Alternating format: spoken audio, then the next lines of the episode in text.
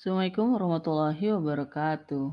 Mari kita lanjutkan podcast Al-Quran Visual masuki ayat 220 sampai 221 surat Al-Baqarah. Apa yang dibahas di kedua ayat ini kita lihat dulu sekilas apa yang telah dibahas di kedua ayat sebelumnya. Di ayat 218, Allah memerintahkan orang beriman untuk hijrah dan jihad di jalan Allah. Apa itu hijrah, apa itu jihad sampai sejauh ini belum dibahas ya. Tapi kalau kita tahu, kita sudah tahu bahwa ayat 217 membahas tentang melawan fitnah orang-orang kafir yang berusaha memurtadkan orang-orang beriman. Baik berupa pengusiran maupun berupa pembunuhan. Jadi apa itu maksudnya hijrah dan jihad? Karena hijrah itu sendiri kan bukan diusir oleh orang kafir, tapi memang memilih untuk mengusir diri. Jadi dan walaupun jihad selama ini dikaitkan dengan peperangan, tapi mengapa tidak digunakan kata uh, peperangan atau pembunuhan seperti ayat-ayat sebelumnya? Kita akan mempelajari hal seperti itu di ayat-ayat selanjutnya. Lalu di ayat 219 Allah memaparkan tentang Homer dan judi.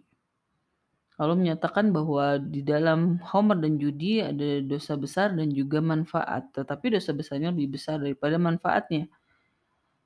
Kemudian dibahas juga tentang infak, hmm, di, merupakan penjelasan tambahan setelah sebelumnya dijelaskan siapa saja yang berhak menerima infak. Allah menjelaskan bahwa yang diberikan dari infak adalah kelebihan. Kelebihan itu berarti lebih dari apa yang kita butuhkan ya. Bukan berarti kita menghabiskan seluruh uang kita, seluruh harta kita tanpa bahkan mempedulikan kebutuhan kita, begitu maksudnya. Allah menyatakan menutup pembahasan ayat 219 dengan menyatakan bahwa eh, demikian membuat jelas Allah ayat-ayat agar kamu berpikir atau bertafakur ya merenung. Apa yang dibahas di kedua ayat ini kita bacakan dulu ayat 220 dan ayat 221 surat Al-Baqarah. A'udzu billahi minasyaitonir rajim. Fid dunya wal akhirah wa yas'alunaka 'anil yatama qul islahul lahum khair وإن تخالطوهم فإخوانكم والله يعلم المفسد من المصلح ولو شاء الله لأعنتكم إن الله عزيز حكيم dan dalam dunia dan akhirat mereka bertanya kamu tentang yatim katakanlah islah bagi mereka terbaik dan jika kamu bergaul dengan mereka maka mereka saudara laki-laki kamu dan Allah mengilmui pembuat kerusakan dan pembuat perbaikan dan jika berkehendak Allah sungguh dia akan menempat kamu dalam kesulitan memang Allah paling perkasa paling menetapkan hukum saya bacakan ayat 221 surat Al-Baqarah ولا تنكحوا المشركات حتى يؤمنن ولأمة مؤمنة خير من مشركة ولو أعجبتكم. ولا تنكحوا المشركين حتى يؤمنوا. ولعبد مؤمن خير من مشرك ولو أعجبكم. أولئك يدعون إلى النار. Allahu يدعو إلى الجنة wal بإذنه ويبين wa للناس لعلهم يتذكرون dan tidak kamu nikahi wanita musyrik sampai mereka beriman dan budak wanita yang beriman terbaik dari wanita musyrik. Dan jika dia menakjubkanmu dan tidak menikahkan orang yang musyrik sampai beriman dan seorang budak orang yang beriman terbaik dari orang yang musyrik.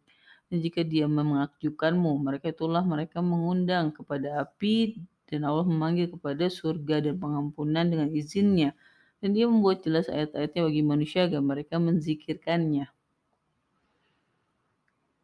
Apa aja kata dan frasa yang telah muncul di ayat 220? Kata pertama, frasa pertama adalah fid dunya wal akhirah. Frasa ini masih terkait dengan ayat sebelumnya merujuk pada larangan khamar, judi dan perintah infak. Jadi mengapa ada penggalan frasa di dalam ayat 220 itu masih menjadi misteri, tapi kalau kita menggabungkan awal ayat 220 dengan ayat 219 maka kita bisa memahami uh, makna bacaannya menjadi demikian membuat jelas Allah bagi kamu ayat-ayat agar kamu menjadi berpikir dalam dunia dan akhirat. Kita bisa menyimpulkan bahwa mm, ayat-ayat Allah itu fungsinya agar manusia merenungkan kembali kehidupannya di dunia dan juga di akhirat. Makanya dikaitkanlah uh, ayat-ayat Allah dalam konteks uh, ketetapan-ketetapan Allah dengan kehidupan dunia dan akhirat. Lalu kata selanjutnya adalah wayas alu naka. Kata ini merupakan kata yang kelima muncul pada ayat ini dikaitkan dengan yatim. Jadi arahan terhadap orang-orang yang beriman dari tadinya berkaitan dengan akidah, lalu berkaitan dengan diri sendiri juga uh, lanjut ke berkaitan dengan uh, sosial ya, kehidupan sosial. Lalu kata islah, kata ini dimaknai pengaturan yang benar urusan mereka terkait dengan anak yatim. Jadi apa maknanya islah yang berkaitan dengan anak yatim? Apakah berkaitan dengan harta atau berkaitan dengan uh, relasi silaturahmi anak yatim itu dengan orang lain? Ya, kita belum benar-benar memahami, tapi digunakan kata islah yang berkaitan dengan anak yatim. Lalu wallahu ya'lamu frasa ini sama persis sebelumnya terdapat di ayat 216 merujuk kepada yang tidak diilmui orang-orang beriman. Lalu apa yang tidak diilmu eh, Lalu apa yang diilmui di oleh Allah di ayat 220 ini adalah mereka yang berbuat kerusakan dan berbuat perba uh, dari berbuat dari yang berbuat perbaikan. Frasa ini sebetulnya belum pernah muncul, tetapi kaitan antara kerusakan dan perbaikan mengingatkan kita pada ciri orang fasik di awal surat Al-Baqarah. Jadi apakah uh, kaitannya um, berislah dengan orang dengan anak yatim dengan berbuat kerusakan. Nah, kalau kita mencoba memahami dua frasa selanjutnya, kita akan sadar bahwa ternyata niat-niat baik orang mengislahkan anak yatim belum tentu berakhir baik. Bahkan bisa jadi malah berbuat kerusakan.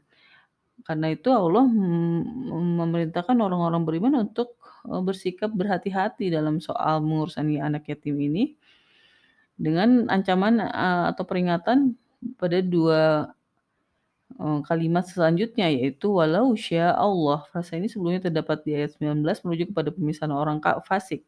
Kita tahu orang fasik di ayat 19 itu diancam dihilangkan pendengaran dan penglihatannya jika mereka tetap berbuat seperti itu. Dan seperti juga di ayat 19 surat Al-Baqarah di ayat 220 surat Al-Baqarah ini juga walau sya Allah dikaitkan dengan pernyataan bahwa sungguh dia akan menempatkanmu dalam kesulitan.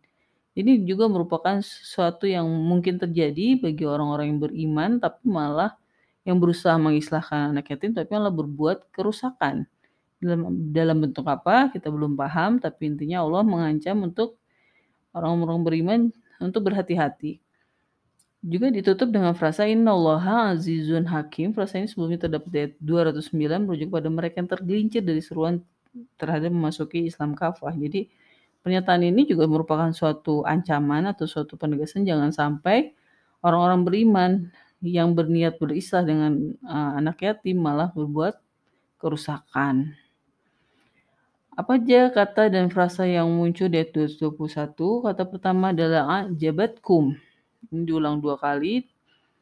Termasuk juga bil ibadi tapi dalam bentukan yang berbeda. Kata ajabatkum sebelumnya terdapat di ayat 204 merujuk pada orang fasik yang perkataannya menarik hati orang beriman. Sedangkan pada ayat ini merujuk pada wanita musyrik. Jadi pada dasarnya Allah ingin menegaskan bahwa perasaan itu tidak selalu harus diikuti gitu kan. Karena ya bisa jadi apa yang menarik bagi orang manusia sebetulnya adalah suatu hal yang buruk. Digunakan juga kan kata-kata yang lain. Apa yang mereka sukai belum tentu uh, baik gitu kan, tapi tidak menggunakan kata yang sama di ayat ini, menggunakan kata yang samanya ketika membahas tentang orang-orang fasik yang perkataannya menyenang terhadap kehidupan dunia menarik hati orang-orang beriman. Nah, ini posisi yoninya sama dengan wanita-wanita atau laki-laki musyrik. Lalu kata bilang ibadi, kata ini di ayat 221 dimaknai budak, sedangkan di ayat sebelumnya dimaknai hamba atau Muhammad Sallallahu Alaihi Wasallam. Jadi maksudnya adalah orang-orang musyrik baik laki-laki atau perempuan itu tidak uh, lebih baik dibanding budak mukmin. Nah, mengapa dibandingkan dengan budak? Karena posisi budak adalah posisi terendah manusia ya. Tapi Allah menyatakan bahwa ya tidak perlu mempermasalahkan dengan bermasalah dengan posisi budak. Kenapa? Karena manusia juga budak, budak Allah gitu ya. Jadi yang penting adalah keimanannya gitu. Makanya dibandingkannya dengan budak karena ya manusia kan suka menghinakan budak ya, padahal kita sendiri juga adalah budak Allah. Lalu frasa selanjutnya adalah wala tankihul musyrikati hatta yu'minna wala amatum mu'minatun khairum min musyrikati walau ajabatkum. Bahasa ini diulang lagi. Yang tadinya yang pertama adalah ditujukan kepada laki-laki, yang kedua adalah ditujukan kepada wanita mukmin ya. Wala tunkihul musyrikina hatta yu'minu wala abdum mu'minun khairum min musyriki walau a'jabakum. Jadi laki-laki maupun perempuan mukmin yang tertarik pada laki-laki atau perempuan musyrik ya sama-sama harus mengevaluasi diri ya. Jadi jangan sampai orang laki-laki menikahi wanita musyrik dan jangan sampai uh, wali tertarik kepada orang musyrik dan menikahkan menikahkan uh, yang di, di anaknya atau yang diwalikan oleh dia kepada orang-orang musyrik dan ini adalah sesuatu yang harus uh, dipahami ya. Kata selanjutnya adalah yadu'una. Kata ini dikaitkan dengan neraka dimaknai menjadi mengundang. Jadi kata memanggil bisa dimaknai bukan sekadar memanggil tapi mendatangkan karena kita tahu ya bahwa kalau kita memanggil tukang bakso misalnya ya tukang baksonya datang gitu kan. Jadi berhati-hati dengan panggilan-panggilan gitu karena panggilan itu ada konsekuensinya. Lalu kata selanjutnya adalah wal magfirot. Wal magfiroh ayat pada ayat ini dilawankan dengan neraka dan dikaitkan dengan surga sedangkan pada ayat 175 surat Al-Baqarah dikaitkan dengan azab. Jadi pengampunan Allah juga bukan sesuatu yang tidak ada konsekuensinya bahkan bisa mengembalikan situasi. Kalau uh, kalau dengan pengampunan Allah orang bisa mendapatkan surga dan dengan tanpa pengampunan Allah bisa mendatangkan azab gitu ya. Nah, jadi uh, Allah memang menawarkan uh, pengampunan dan surga dengan perintah untuk menikahi orang-orang yang beriman. Jangan sampai tertarik dengan orang-orang musyrik karena dia akan mengarahkan orang-orang beriman kepada neraka. Karena orang manusia itu tidak boleh untuk musyrik ya, maksud seluruh manusia dilarang untuk berbuat musyrik. Jadi jangan sampai sudah dilarang masih dilanggar eh, dengan menikahi. Walaupun kesannya memang bukan kita yang musyrik, tapi menikahi itu ternyata kan sesuatu yang bisa memanggil seseorang kepada neraka dengan pernikahan itu. Jadi pernikahan itu adalah sesuatu yang ya lumayan esensial ya dianggapnya sehingga harus dihindari. Kalau kita kan suka berpikir, oh ya nggak ada masalah dong, kan bukan kita yang musyrik. Nah, yang jadi masalah ternyata adalah karena orang-orang musyrik itu bisa memanggil kepada neraka. Lalu kata selanjutnya adalah biiznihi. Kata ini dimaknai dengan permisi. Sebelumnya dikaitkan dengan kabar baik dan petunjuk, mudarat, penyelesaian, persisihan. Ada beberapa hal uh, yang terjadi dengan izin Allah dalam konteks bahwa uh, tidak langsung Allah turun uh, mengurusi hal itu, tapi uh, di sini terkait dengan Zibril, orang yang bisa melakukan ilmu sihir dan juga dengan orang beriman yang bisa menyelesaikan persisian. Jadi Allah itu tidak selalu turun tangan tapi memberikan izin melalui makhluknya untuk terjadinya suatu hal gitu ya. Jadi itu makna izin. Makanya di sini juga uh, dengan izinnya, dengan izinnya ketika seorang orang beriman menikahi lagi orang beriman, maka maka Allah akan menawarkan pengampunan dan surga. Lalu kata selanjutnya adalah frasa selanjutnya adalah wa yubayyinu ayatihi linnasi. Frasa dalam bentukan yang sama sebelumnya terdapat di ayat 187 merujuk kepada tata cara puasa yang dikaitkan dengan ketakwaan. Pada ayat ini dikaitkan dengan zikir. Dalam bentukan yang sedikit berbeda terdapat di ayat 219 merujuk kepada penjelasan tentang homer, judi, dan infak. Jadi mengapa ada kata linnasi? Padahal kita sedang membahas tentang orang-orang beriman. Begitu juga ketika membahas tentang tata cara puasa, sebetulnya kita kan sedang membahas tentang orang-orang beriman. Tapi jika kita mengambil kesimpulan bisa disimpulkan bahwa apa hal penjelasan-penjelasan Allah dalam urusan musyrik ini, urusan menikah, larangan menikahi yang musyrik, semestinya bisa dipahami oleh manusia kebanyakan karena ya tadi bahwa kemusyrikan itu ada sesuatu yang dilarang untuk seluruh manusia. Begitu juga kalau kita mempelajari tentang tata cara puasa. Kita mungkin bisa akan menemukan benang merahnya mengapa digunakan kata bagi manusia. Lalu kata selanjutnya adalah yatazakaru. Kata ini dimaknai menyimak atau mengingat sebelumnya muncul dalam bentukan yang lain. Tapi baru pada ayat ini dikaitkan dengan kata agar kamu. Karena sebelumnya kata agar kamu itu dikaitkan dengan takwa, menggunakan akal, dan bertafakur. Jadi apa maksudnya agar kamu berzikir, agar kamu mengingat sesuatu? Apa yang dimaksud dengan mengingat? Apa mengingat itu mengingat perjanjian, mengingat nikmat Allah? Apa konteksnya berzikir di sini? Kita harus terus mempelajari ya penggunaan kata ini di ayat-ayat selanjutnya agar pemahaman kita lebih utuh.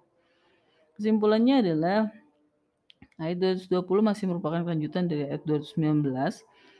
Mengapa ada penggalan? Karena disambung dengan permintaan penjelasan tentang anak yatim. Jadi maksudnya adalah ayat 219 masih berkaitan dengan ayat 220. Jadi tidak ada terpisah ya. Jadi pemotongannya itu seakan di tengah-tengah gitu ya. Lalu kedua, Allah mengaitkan mereka yang berbuat kerusakan dengan perba dan perbaikan dengan persoalan berislah dengan anak yatim. Apakah soal yatim ini sering kali diselewengkan? Ya kita tahu bahwa memang persoalan anak yatim ini juga lumayan kompleks ya. Karena yatim ini juga berhubungan dengan harta. Jadi tidak melulu yatim yang miskin, tapi juga berhubungan dengan yatim yang kaya. Selain itu juga ada juga yang berusaha mengelola anak yatim, tapi malah jadi mereka yang memakan uang donasi misalnya seperti itu. Jadi harus berhati-hati dalam persoalan yatim ini karena Allah menyatakan bisa sangat bisa jadi orang melakukan penyelewengan-penyelewengan sehingga yang tadinya berniat islah malah berbuat kerusakan. Lalu ketiga, setelah membahas tentang yatim, Allah membahas tentang pernikahan antara mereka yang musik dan beriman. Kemusikan adalah hal yang tidak ditolerir olehnya. Jadi jangan sampai juga hal ini ditolerir karena menganggap menikah dengan orang musyrik tidak sama dengan melakukan kemusyrikan itu sendiri. Tetapi pada dasarnya ujung-ujungnya mm, orang-orang musyrik itu akan mengundang atau memanggil kepada neraka. Sebelum kita tutup pembahasan kedua ini kita bacakan lagi ayat 220 dan 221 surat Al-Baqarah. A'udzu billahi minasyaitonir rajim. في الدنيا والآخرة ويسألونك عن اليتامى قل إصلاح لهم خير وإن تخالطوهم فإخوانكم والله يعلم المفسد من المصلح ولو شاء الله لأعنتكم إن الله عزيز حكيم.